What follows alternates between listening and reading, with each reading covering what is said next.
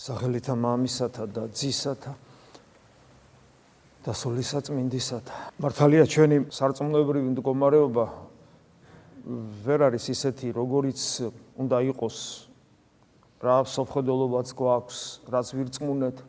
წმენა ღმერთმა დაუმსახურებლად მოგცა, მაგრამ მე ჩვენი პირველული არჩევანი გავაკეთეთ მოცემული რწმენის შესაბამისი.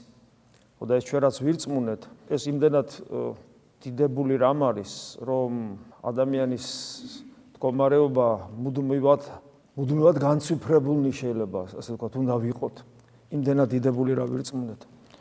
მაგრამ ეს დიდებულება რომ არის და რომ სამყაროს ცოცხალი ყოფიერება ყავს საწყისად და მე რომ მისი ხატი და მსგავსი ვარ და მე რომ მელოდება მარადისობაში ის რაც გონებისათვის წარმოუდგენელია როგორც დიდი პავლე ამბობს ეს ეს ის სიხარულია რომელსაც რომელიც არ თვალს უხილავს არ წყურს მენია და არ ძგულს არ შეხებია ადამიანმა რომ ციხილოს მისი გამოთქმის უნარიც არ აქვს როგორც პავლეს აჩვენა ღმერთმა და ვერ გამოსთქვავს მაგრამ აი მიუხედავად იმისა რომ მას აჩვენა და ვერ გამოთქვავს მეგივე პავლე ამბობს რომ ის რაც ვნახე ისიც კი არის რაღაც დაბინდულ მინაში ჭრეტა და პირისპირ რო წარვდგებით მე ეს კიდე სხვა არის და ასე შემდეგ. ეს არის მარადიული სწრაფვა სიცოცხლისაკენ სიყვარულისაკენ ბედნიერებისაკენ რომელსაც არ აქვს დასასრული მაგრამ ამავე დროს ამ მარადიული სწრაფვის ყოველ ზეციურ ნაბიჯს გულისხმობ როცა წარვდგებით ღვთის წინაშე და დაიწყება ეს მარადიული სწრაფვა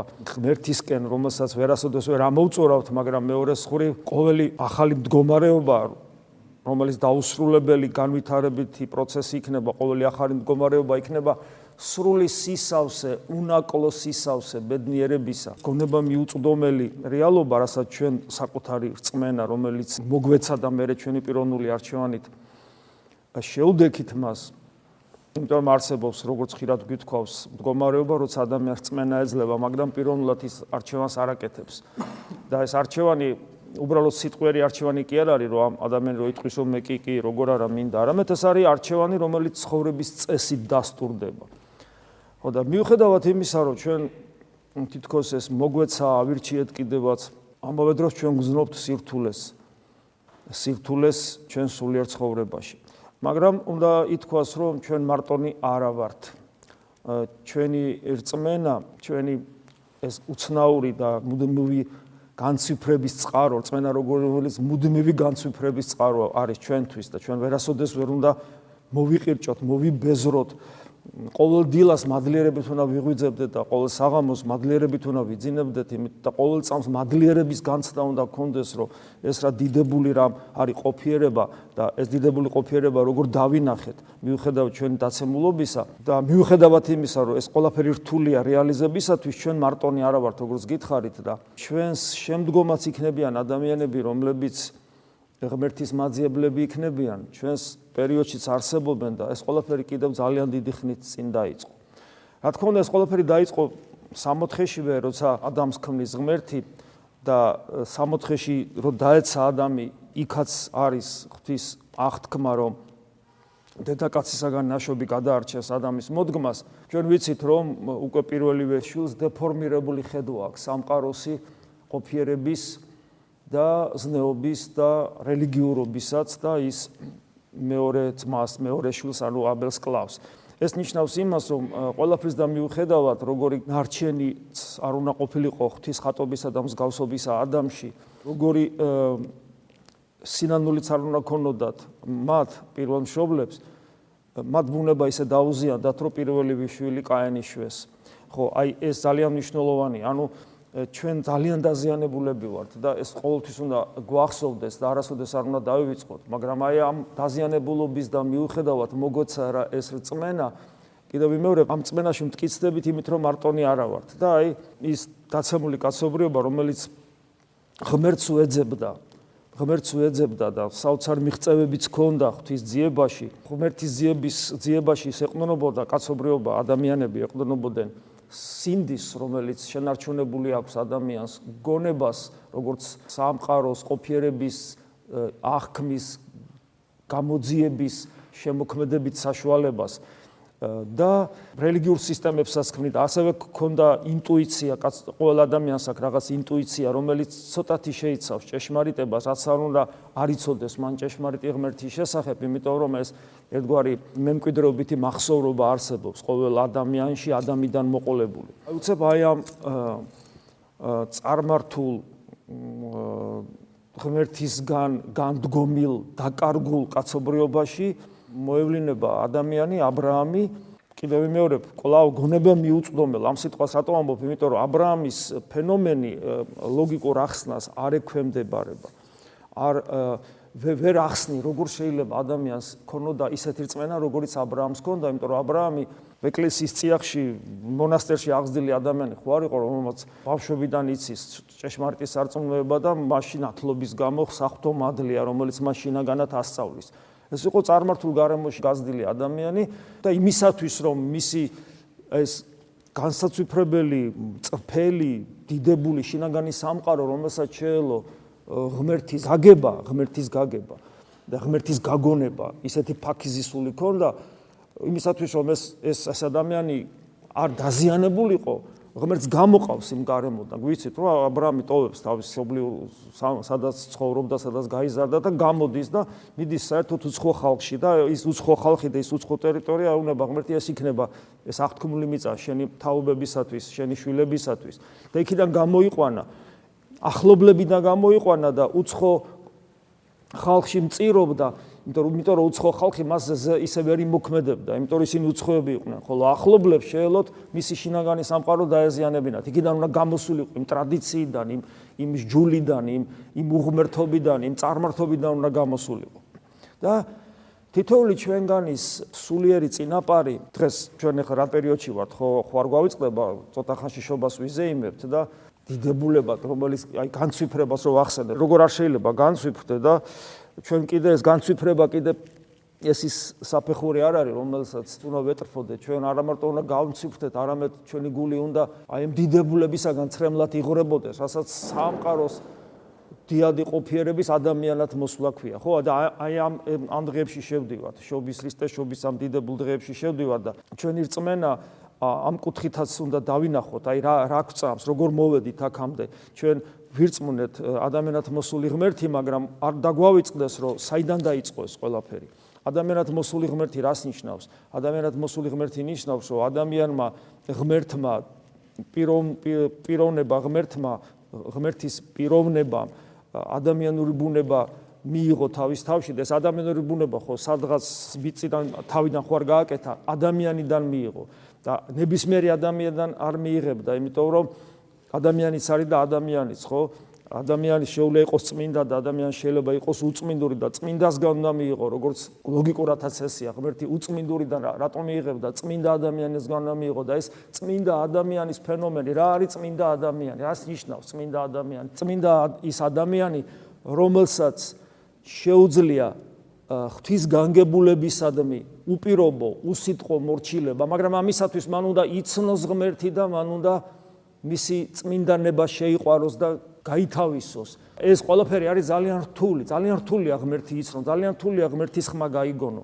იმიტომ რომ ის მწულილი ნიავივით არის, მისი შეხება ესე იოლად აღსაქმელი არ არის, ჩვენი გაუხეშებული, ცოდვით დაცემული, ეგოისტური, ანგარებიანი, უსიყვარულო, მრისხანე ქვენაგზნობებისა მიდრეკილი გულისათვის და ეს ყველაფერი ადვილი არ იყო ღმერთისათვის. იმიტომ რომ ადამიანი არის მისი ხატი და მსგავსი. ანუ ეს ნიშნავს იმას რომ ადამიანი არის თავისუფალის და თვითუფლებრივი შეიძლება ასე ითქვას. მას შეუძლია ადამიანი იმდენად დიადია რომ galaktikების შემოქმედს ცოცხალ შემოქმედს ეუბნება არა. ადამიანის სიდიადია ეს. რომელიც რა თქმა უნდა შეიძლება უარყოფითი მნიშვნელობით განვითარდეს მაგრამ ეს ესა ეს შესაძლებლობა აქვს ადამიანს და ამიტომ ღმერთი ფაქიზად ექცევა რომ თავისუფლება არ დაუზიანოს თავისუფლება რითაც ის შეიძლება ადამიანი გახდეს ღმერთი და მადლით და შეიძლება გახდეს ეშმაკი თუ ღმერთს დაცილდა მაგრამ თუ თავისუფლებას დაუზიანებ მოდი ესე ვთქვათ ხო? მაშინ ეშმაკი აღარ გახდება მაგრამ აღარც ღმერთი არ გაგახდება ცხოველად იქცევა. ამიტომ ღმერთი ფაქიზად ეპყრობოდა ადამიანებს და სამყაროში მოევლინა ადამიანი, რომელიც იყო აბრაამი და ეს აბრაამი თავისი განსაცვიფრებელი შინაგანი სამყაროთ არის თითოეული ჩვენგანის სულიერი წინაპარი. და აი ჩვენ რო აქ დღეს ვართ და მყარად დგავართ და ნუ შეძლების დაგვარად იმედია რომ დგავარ და წამს განკაცებული ღმერთი რომლის შობას მალეונה ვიზეიმოთ უნდა გვახსოვდეს რომ ეს ჩვენი დამსახურება რაღაცა არის ჩვენი დამსახურება ჩვენ რო პიროვნული არჩევანი გავაკეთეთ იმიტომ რომ თლათ ჩვენი პიროვნული არჩევანის უარყოფა ხო არ შეიძლება ეს ჩვენი არჩევანია თუმცა არ დაგვავიწყდეს რომ პიროვნული არჩევანის ეს უნარი რო გვაქვს, ესეც ღვთისაგან მონიჭებული. საერთოდ არ ვარსებობდით, კაცო. საერთოდ არ ვარსებობდით და ვარსებობთ აი ასეთი პიროვნული არჩევანის შესაძლებლობების მქონე. ესეც ღვთის საჩუქარია, განა არა, მაგრამ ეს საჩუქარი შეიძლება ცუდად გამოგვეყენებინა და მადლობა ღმერთს რომ გამოვიყენეთ და დავინახეთ და ვდგავართ აქ, მაგრამ ამ ყველაფერს აი როგორც უფალი გვასწავლის ჩვენ შემოვედით ყანაში, რომელიც ჩვენ არ დაგვითესია. სხვამ დათესა და ჩვენ ამ ყანაში ვმუშაობთ. ანუ ჩვენს წინ სხვები მუშაობდნენ და პირველი ვინც ეს მუშაობა დაიწყო, იყო აბრაამი. აბრაამი კიდევ მეორე რომელიც ღმერთმა გამოიყვანა იმ თავის წარმართული გარემოდან და აბრაამი რომელსაც აი როგორც ისეთი ფაქიზი სული ქონდა ღმერთთან საუბარი შეელო როგორც აი კაცი კაცს რო ესაუბრება. წმენა ქონდა ისეთი განსაცვიფრებელი რომ აი როგორც დღეს აღმოვიკითხეთ ებრაელთა მიმართ ეპისტოლეში წმენით დაემორჩილა ა ブラ ამი ღმერთის ხმობას ღმერთის მოწოდებას. წმენით დაემორჩილა. იმდენად რთული რამ არის აი ჩვენ თუ ჩვენ პირად ცხოვრებას ანალიზს გაუკეთებთ როგორი რთულია რომ რწმენით რწმენა ხო გვაქვს და რწმენით ბოლომდე მივენდოთ ღმერთს. ერთ-ერთი მთავარი პრობლემა ჩვენი რა არის, რომ ღმერთს ვერ ვენდობი. ღმერთისადმი უნდობლობა იწევს იმ ყოველდღიურ პრობლემებს, შიშებს, ეჭვებს, მწუხარებას, დეპრესიულობას, მოწყენილობას. ვაიმე ხვალე რა იქნება, გვეშინია თუ რამე განსასწრელია, გვეშინია გარდაცვალების, გვეშინია ავანტყოფობის, გვეშინია ათასი პრობლემის. სულ მუდამ არის ეს, იმიტომ რომ ღმერთისადმი მინდობა არა გვაქვს. და აი ა ブラ ამი გვასწავლის თავისი ქმედებით რწმენით დაემორჩილა ა ブラ ამი ხმობას. მას ესეთი რწმენა აქვს, რომ უპირობოდ, უპირობოდ ემორჩილება ღმერთს. და ნახეთ აქ კიდევ რა ნიუანსია. ეგრე ჩვენ შეიძლება გადავხედოთ რელიგიის ისტორიას და დავინახოთ, რომ კაცობრიობის რელიგიის ისტორიაში რომ ვიღაცა ვიღაცა ასევე დაემორჩილა ვიღაცის ხმობას, და ის ვიღაცა რომლის ხმობასაც ეს ვიღაცა დაემორჩილა იყო ბოროტი ძალა და იქნებოდა ასეთი დესტრუქციული რელიგიური სტრუქტურები, სისტემები, რომლებიც საშინელებებს ქმნიდნენ და ადამიანებს ფაქტორად ანადგურებდნენ. და ესეთი რელიგიები დღესაც არსებობს. რამხელა რისკია? არსებობს ეკლესიაში 2000 წლოვან გამოცდილებაში ხიბლის ცნება.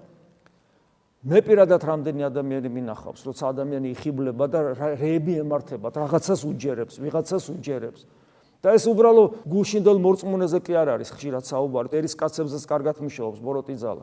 არამედ რამდენიმე ათეული წელი რომ მონასტერში უცხოვრია და რამდენიმე ათეული წელი დაღლინან ღვაწლში, დაბერებულან ღვაწლში. ზნეობრივი ცხოვრებისათვის ერთი წამითაც რო არ უღალატია და თითქოს არც სულიერი ცხოვრებისთვის, მაგრამ მერე მოტყილებულან, მერე, მერე, მერე, მოусმენიათ იმ მაცდური ხმისათვის. ყველაფერი თავდაყირა დამდგარა.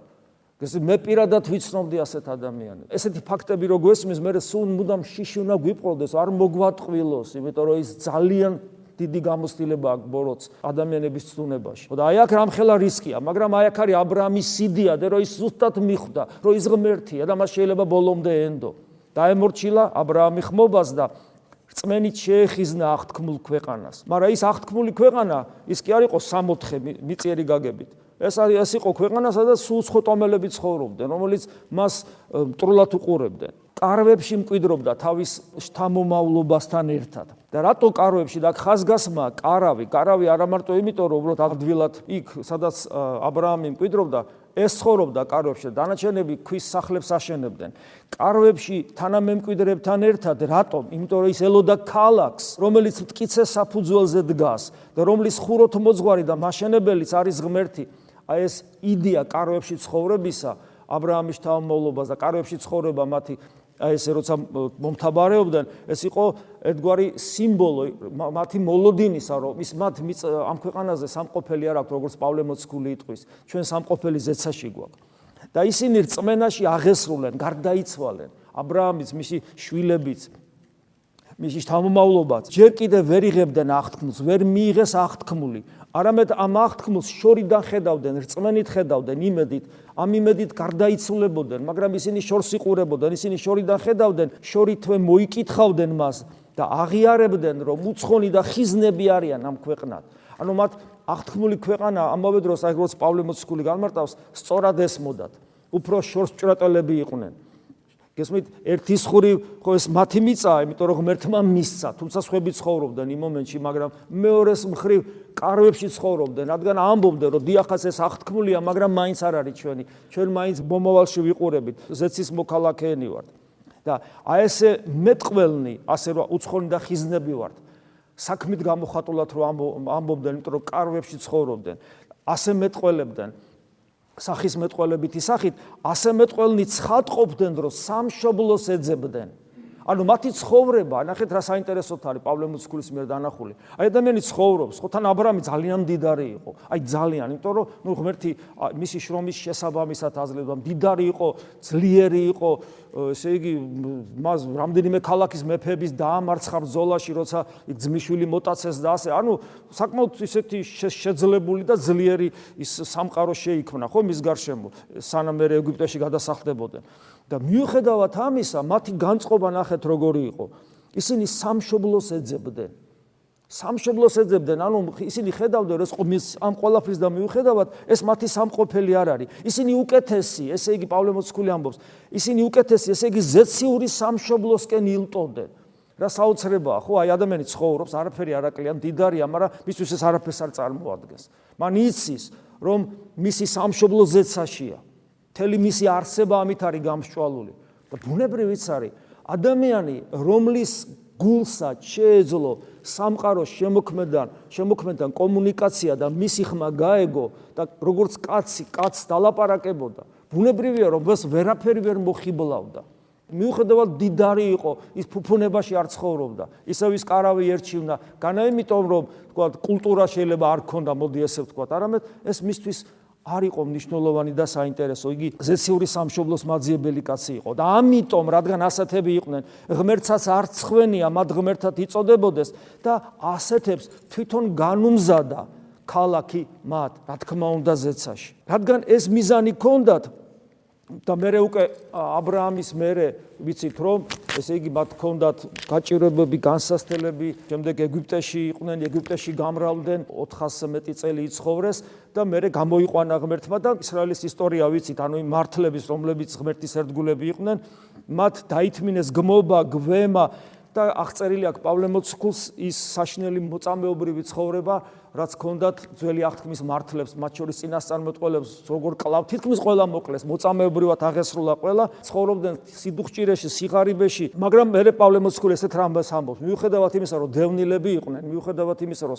უკიდურეს გაჭირვებაში ცხოვრობდნენ, მიუხედავად იმისა, რომ მათ ესე ხოცავდნენ მთელი ქვეყანა არ იყო მათი ღირსი. პავლე მოციქული ხას უსვებს, რომელთა ღირსიც არ იყო მთელი ქვეყანა. იმიტომ რომ ეს ადამიანები, რომლებიც ზეციურ სამშობლოზე იყვნენ ორიენტირებულები, სამყაროს ეს ადამიანები არ უყვარდა, ძულდა, მაგრამ ამ ადამიანების ღირსი მთელი სამყარო არ იყო.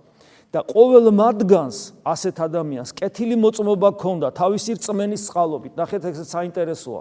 ესენი ჩვენი სულიერი წინაპრები, ჩვენ სულიერ წინაპრებზეა საუბარი.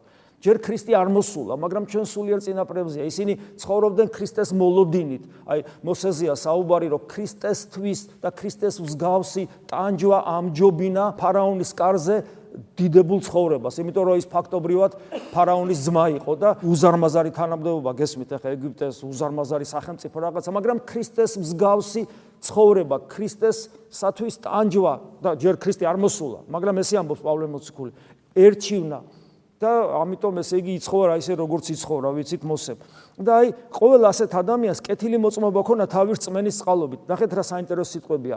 წმენის წყალობით ადამიანს აქვს მოწმობა. აი ჩვენ რო მართლა მორწმუნენი ვიყოთ ეს ნიშნავს იმას თუ ვართ მართლა მორწმუნე რომ ის რასაც ცოტა ხანში ვიზეიმებთ ქრისტეს შობას ჩვენი რწმენის შესაბამისი მოწმობა შიგნით უნდა გქონდეს ცეცხლის სახით. და თუ ეს არ არის მაშინ ჩვენი რწმენა არის რაღაცა ბუტაფორია რომელიც გამოცდას და განსასწრებს ვერ უძლებს. და ამიტომაც ამბობს კეთილი მოწმობა რწმენის წყალობით გქონდათ შიგნით. მაგრამ ვერ მიიღეს აღთქმული. ესე კაცმო რო თქვას, ვერ ჩვენ ვერ ვიღებთ ჯერ აღთქმულს და სულ ძიებაში ვართ, მათ ვერ მიიღეს აღთქმული, რადგან ღმერთმან და მათ მართლა ვერ მიიღეს რეალურად, იმიტომ რომ ქრისტეს შობა რა არის ქრისტეს შობა? ქრისტეს შობა რაღაც უბრალოდ ისტორიული ფაქტი კი არ არის. ქრისტეს შობა არის ღმერთისა და ადამიანის ონტოლოგიური არსობრივი გაერთიანება, როდესაც ერთ პიროვნებაში პიროვნება ღმერთი, რომელსაც ღვთაებრივი ბუნება აქვს, პიროვნება ღმერთში შემოდის ადამიანური ბუნება და ადამიანსა და ღმერთს შორის ღვთაებრივი ბუნება და ადამიანური ბუნება, რომელთა კავშირი შეუძლებელია, იმიტომ რომ ტრანსცენდენტულია. სამყაროს მიღმიერია საერთოდ და ადამიანური ბუნება ქმნილება და ღვთაებრივი ბუნება თანაბრად შორს არის როგორც ქვისგან ისე ადამიანისგან ისე ცხოველისგან ისე ანგელოზისგან თანაბრად შორს არის მაგრამ იმიტომ რომ ის ტრანსცენდენტულია და ანჩენ ყველაფერი ყოფიერია და შექმნილია მაგრამ ადამიანური ბუნება და ღვთაებრივი ბუნება მაქსიმალურად მიუახლოვდა ერთმანეთს იმიტომ რომ ერთი პიროვნება იყო ორი ბუნების პიროვნება შეიძლება ასე ითქვას. და მათ შორის საზღვარი გაქრა. ადამიანურ ბუნებასა და ღვთაებრივ ბუნებას შორის. საზღვარი გახდა, მაგრამ შეურევნელად არ შერევია, მაგრამ ეს საზღვარი გაქრა. ფაქტობრივად, იმიტომ რომ ერთმა პიროვნებამ მოიცვა ღვთაებრივი და ადამიანური ბუნება, მაგრამ შერევა არ მომختار. ანუ რა მოხდა? ადამიანი და ღმერთი დაკავშირდა. ამიტომ მასანამ ეს არ მოხდებოდა, როცა ვამბობთ, რომ ყველა ძველი ადამიანი ძველ აღთქმაში ჯოჯოხეთში მიდიოდა, სანამ ქრისტე არ მოვიდა, ღმერთი არ მოვიდა ადამიანად. რატო ვამბობთ ამას? იმიტომ რომ სასופველი არის არა იურიდიული გამართლება ადამიანის უბრალოდ, არამედ მისი არსობრივი გადარჩენაა. სასופველი არის ადამიანის ღმერთად, ღმერთში მყოფობა მადლით ღმერთად და ეს არ მომხდარა ჯერ, იმიტომ რომ ღმერთი და ადამიანი არ შეერთებულა ერთმანეთს. აი ეს არის და ამიტომ მათ ვერ მიიღეს და ვერ მიიღებდნენ ბუნებრივია იმას, რაც იყო აღთქმული ჯერ, მაგრამ ღმერთმა წინასწარ განჭვრიტა. ჩვენთვის უმეტესი სიკეთე, ეს უმეტესი სიკეთე რა იყო, რომ ღმერთი რო ადამიანად მოვიდო და რათა ისინი უჩვენოდ ვერ გამختارიყვნენ სრულქმნილი, ანუ ისინი მოლოდნის მდგომარეობაში იყვნენ გადასული და უჩვენოდ ვერ გახდებოდნენ სრულქმნილი, ამიტომ ჩვენ ყველანი ერთად შევალთ სასუფეველში. როცა ღმერთი მოვიდოდა ადამიანად. ეხლა აი ამის მერე ჩვენ შევდივართ ახალი აღთქმის ახალი აღთქმის პერიოდში რაც დღეს წავიკითხეთ გახსოვს მათეს სახარებიდან ანგელოზი უფლისა გამოუჩდა და იოსებს ეუბნება გახსოვთ. ნუგეშინინ იმიტომ რომ ისინი დანიშნულები არიან დანიშნულები არიან და ჯერ დაქორწინებულები არ არიან. უცებ ესე იგი აღმოჩნდება რომ ბავშველოდება მარიამი რა თქმა უნდა შეშფოთდება, იმიტომ რომ ნუ არ და წესი იყო ასე დროს, უნდა გაეყვანა და ჩაეკოლათ მარიამი. ამავე დროს კეთილი გული აქვს იოსებს და ამის გაკეთება ბუნებრივია არ უნდა. ანგელოზი ეცხადება და ეუბნება, რომ ნუგეშინი რამე თუ რომელი იგი მისგან, ანუ მარიამისგან იშვეს, სულისაგან წმინდისა არს. შვეს ძე და უწოდენ სახელი მისი იესო. იესო და განმარტავს, რატო იესო? რამე თუ მან იხსნეს ერი თვისი ცოდვათა მათთაგან. იესო, ანუ იეშუა ებრაულად ეს ნიშნავს მხსნელს. ცოდვისაგან მხსნელი. კითხულობთ, ესე ყოველი იქნა რათა აღესრულოს სიტყვა იგი უფლისა პირითა წინასწარმეტყველისა თქმული. ესაია წინასწარმეტყველი ამბობს ამ სიტყვებს, რასაც ახლა წაგიკითხავთ. აჰა, ქალწული მიუდგეს და შვეს ძე და უწოდენ სახელი მისი ემანუელ. ემანუელ რატო წერია ზოგ სახა ერევა? თუ იესო არ დაარქოს და ემანუელი რატო? ემანუელ ამ შემთხვევაში არის არა როგორც სახელი, ადამიანური სახელი, არამედ განმარტება არსი, რაც მოხდა. და აქ ვკითხულობთ, ემანუელ, რომელიც ნიშნავს, რომ თარგმნოთ, ჩვენთან არის ღმერთი, ანუ ვინც ქალწულისაგან იშვება, ის არის ჩვენთან ღმერთი. ანუ ღმერთი მოვიდა, ანუ ღმერთი იშვა. აი ეს არის. ღმერთი შემოვიდა სამყაროში, ღმერთი იშვა და აი ამის მერე უკვე ის ყველაფერი ჩვენი სულიერი ნათესავები რომლებიც ღმერთის შობამდე სამყაროში ცხოვრობდნენ და კეთილი მოწმობა ჰქონდათ მაგრამ ვერ მიიღეს მაგრამ შექმნეს ის პირობა რა პირობა შექმნეს? რომ დედამიწაზე დედამიწაზე დაბადებულიყო ადამიანი რომელსაც შეეძლებოდა ეტვირთა ღმერთის დედობა ისე რომ მასში იოტისოდენა პატიმოყარეობის, ამპარტავნების, საკუთარი თავის განსაკუთრებულობის განცდა რომ არ გაჩენილიყო. ეს არის ძალიან პატარა პატარა წარმატება ჩვენ ვიცით რა დღეში გვაგდებს, პატარა შექება რა დღეში გვაგდებს, წესით ადამიანი ამას უნდა გძნობდეს, როგორი საშიშია ეს და ამ დროს წარმოიდგინეთ ღვთისმშობლის მდგომარეობა, როცა ყველაფერი უკვე ბოლომდე იყო გარკვეული, როცა უფალი უკვე ამაღლებული იყო ზეცსა და დამждარი მარჯვენით მამისა, ამ დროს ღვთისმშობელი ჯერ კიდევ ცოცხალია, სხვადასხვა ვერსიით 60 წლამდე, სხვა ვერსიით 70 წლამდე იცხოვრა და ესე იგი ასაკში შესული ადამიანია და მან იცის, რომ ვინც მან შვა, ვისაც ძუძუს აჭმევდა, ის არის მარჯვენით მამისა, ანუ ყოვლადწმინდა სამების წიაღში ის არის ღმერთი. გესმით? ეხლა ამის დატევნა, დატევნა ხო ანუ ხორცი ხორცი და სული მან მისცა ხო როგორც დედამ გააჩინა მაგრამ სუბიექტი ვინც გააჩინა არის galaktikების შემოქმედი. როცა სულიწმიდა ღმერთი გარდამოვიდა უკვე ყველაზე მათ შორის მარიამზე და როცა ეს ყველაფერი მოხდა უკვე ეს ყველაფერი სრულად რო სრულად რო განცხადდა ეს საიდუმლოება როგორც პავლე მოციქული ამბობს დიდას ღვთისმსახურების საიდუმლოება ღმერთი გამოჩნდა ხორცით სრულად რო განცხადა. წარმოიდგინეთ ადამიანის მდგომარეობა, რომელმაც იცის, რომ ვინც გააჩინა, არის ღმერთი. უბრალოდ ქრისტეზე რო ფიქრობ, რო წარმოიდგენ ქრისტეზე ადამიანური თვალით გიყურებს და სინამდვილეში გიყურებს galaktikების შემოქმედი, ამაზე შეიძლება ადამიანი გაგიჟდეს უბრალოდ, ვერ დაიტიოს ეს და ის რო შენ გააჩინე, ანუ მას როგორი გონება მიუწვდომელი ადამიანური რესურსისათვის აბსოლუტურად შეუძლებელი სიმდაბლე უნდა ქონოდა და ეს იყო და ღვთისნებისადმი აბსოლუტური მორჩილება, აბსოლუტური მორჩილება და შესაბამისად წვერვალი სიწმინდისა. და აბრამს რო უხმო ღმერთმა და აბრამა რო მიიღო ეს პროცესი მაშინ დაიწყო განწმენდისა, ადამიანური ბუნების განწმენდისა, რომელიც მწვერვალი იყო ყოვლადწმინდა ღვთისმშობელი. და აი მერე მოხდა უკვე ღმერთის განკაცება, როცა ესეთი წმინდა ჭურჭელი მისი თავისუფალი არჩევანით თავისუფალი არჩე ღვთისმშობლის თავისუფალი არჩევანით იყო ეს. ამ პერიოდამდე მოვიდა ეს ყველაფერი, მოევლინა ღმერთი და ჩვენ უკვე ვართ ამ ახალი აღთქმის პერიოდში, როცა ჩვენთან არის ღმერთი. და უფალი გვეუბნება კიდევაც სამყარო სახსასრულამდე მე თქვენთან ვარ ეს ამას აკეთებს იმით რომ იგი არსებს თავის მისტიურ სხეულს ეკლესიას მე და ვარსებ ჩემ ეკლესიას და მე უკვე ის საიდუმლოება რასაც ეკლესია ქვია როდესაც ჩვენ თქო გავართ აქ ვეზიარებით მადლს ვიღებთ და ამ ერთობაში ვეძებთ ღმერთს. და ამიტომ ჩვენი მდგომარეობა ასეთია პავლე მოციქული აგზელებს რომ ჩვენ გვახვევია აი ღრუბელივით გარს გვახვევია ესოდენ მრავალი მოწმე მოწამე მოწამე ანუ ვინ არიან? ადამიანები რომლებიც ცოცხალი ღმერთის გამო, ადამიანები, რომლებიც მithumetes განკაცებული ღმერთის გამო ცხოვრობდნენ, სულთქავდნენ, კვდებოდნენ და თავის ცხოვრების წესით და მათ შორის სიცოცხლით და მათ შორის სიკვდილით ამოწმებდნენ, რომ იესო ქრისტე არის ღმერთი. აი ეს უამრავი მოწამე თავს ვახვევია და ამიტომ ჩამოვიშოროთ ყოველგვარი სიმძიმე და ასევე ხელფეხ შემკვრელი ცოდვა. სიმძიმე და ცოდვა, რომელიც მუდამ დგას ჩვენსა და ღმერთს შორის და მოთმინებით, მოთმინებით, ანუ ღვაწლით, ანუ ბრძოლით, გავლიოთ ჩვენს წინაშე მდებარე სარბიელი. ჩვენს სულიერ ცხოვრებაში არ დაგვავიწყდეს, რომ არასოდეს არ იქნება წამი, არათუ დღე, საათი, წამი არ იქნება, რომ არ გქონდეს აუცილებლობა, რომ არ იყოს აუცილებლობა დინამიური წინსულისა. ეს არასოდეს არ უნდა გაჩერდეს.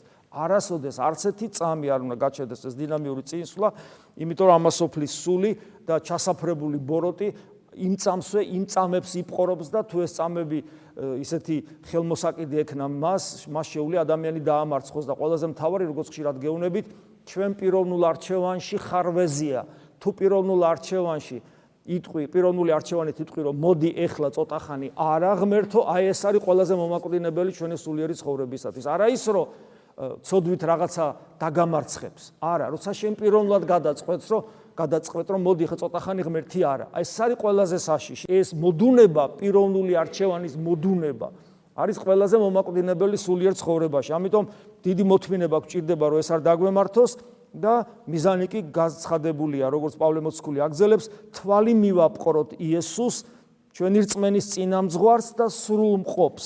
გავიხსენოთ რომ მის წინაშე მდებარე სიხარულისა წილ და ის სიხარული რომ გამოგვიხსნიდა და ჩვენთან ერთად არა მარტო როგორც ღმერთი, არამედ როგორც ადამიანი, ჩვენ მეგობრებს და ძმებს რო გვიწოდებს, ჩვენ წინაშე აი აი ამ სიხარულის წილ როცა ამბობს რომ მე ერთი სული მაქვს ყველა შემოგკრიბოთ ზეცაში და აღარ შევჭამ და აღარ დავლევ, ნუ ეს სიმბოლოებია, რა თქმა უნდა, ესე მეტყოლება, სანამ ყველანი ერთად არ შევიკრიბებით ესეთ რამეს რო ამბობს ხო? აი ეს განსაცვიფრებელი სიყვარული რომელიც მას აქვს ადამიანისადმი ხო?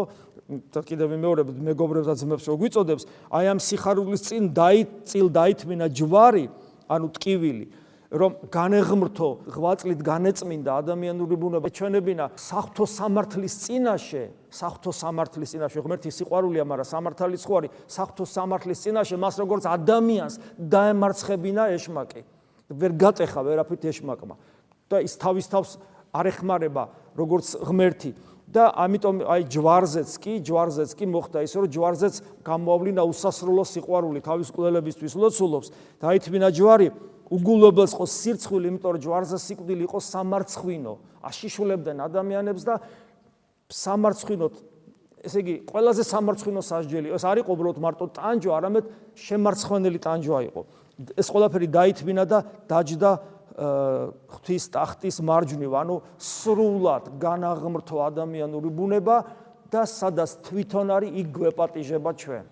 აი ეს არის ჩვენი რწმენა, რომელიც ოდესღაც ესე დაიწყო ა ブラ ამის მიერ, რომელიც რწმენით დაემორჩილა ღვთის ხმობას და ჩვენ ისე უნდა გავიფაქიზოთ ჩვენი შინაგანი სამყარო, რომ ჩვენ გქონდეს აი ეს რწმენა იმგვარი, რომ გძნობდეთ ღმერთის შეხებას და გძნობდეთ აუცილებლობას, რომ ღვთის ნების აღსრულებელი უნდა ვიყო და ამას ვაკეთებდეთ სიხარულით, როგორც აი უფალი გვაძლევს მაგალითს, რომ იმ მომავალი სიხარულის წილ, რომელიც იქნება მარადისობაში, როცა ყველანი ერთად ვიქნებით უფალთან ერთად, დავითმინოთ ჩვენი წილი ჯვარი. იმიტომ რომ ჩვენი წილი ჯვარი ძალიან პატარაა, იმიტომ რომ ძირითადად უფალმა იტვირთა ჩვენი ცოდვები, უგულობელს ყოთ ამასოფლის ზერა ჩვენს მიმართ, რომ ეს ქრისტიანები ვინ არიან, რამე თუ ჩვენ ვიცით გაცნობიერებული გვაქვს და უნდა გქონდეს გაცნობიერებული რა რწმენა გვაქვს ქრისტის დავიბადენით ამ სამყაროში და რას ნიშნავს ვიყოთ ქრისტიანები. ამინ. მადლი უფლისა ჩვენისა იესო ქრისტესი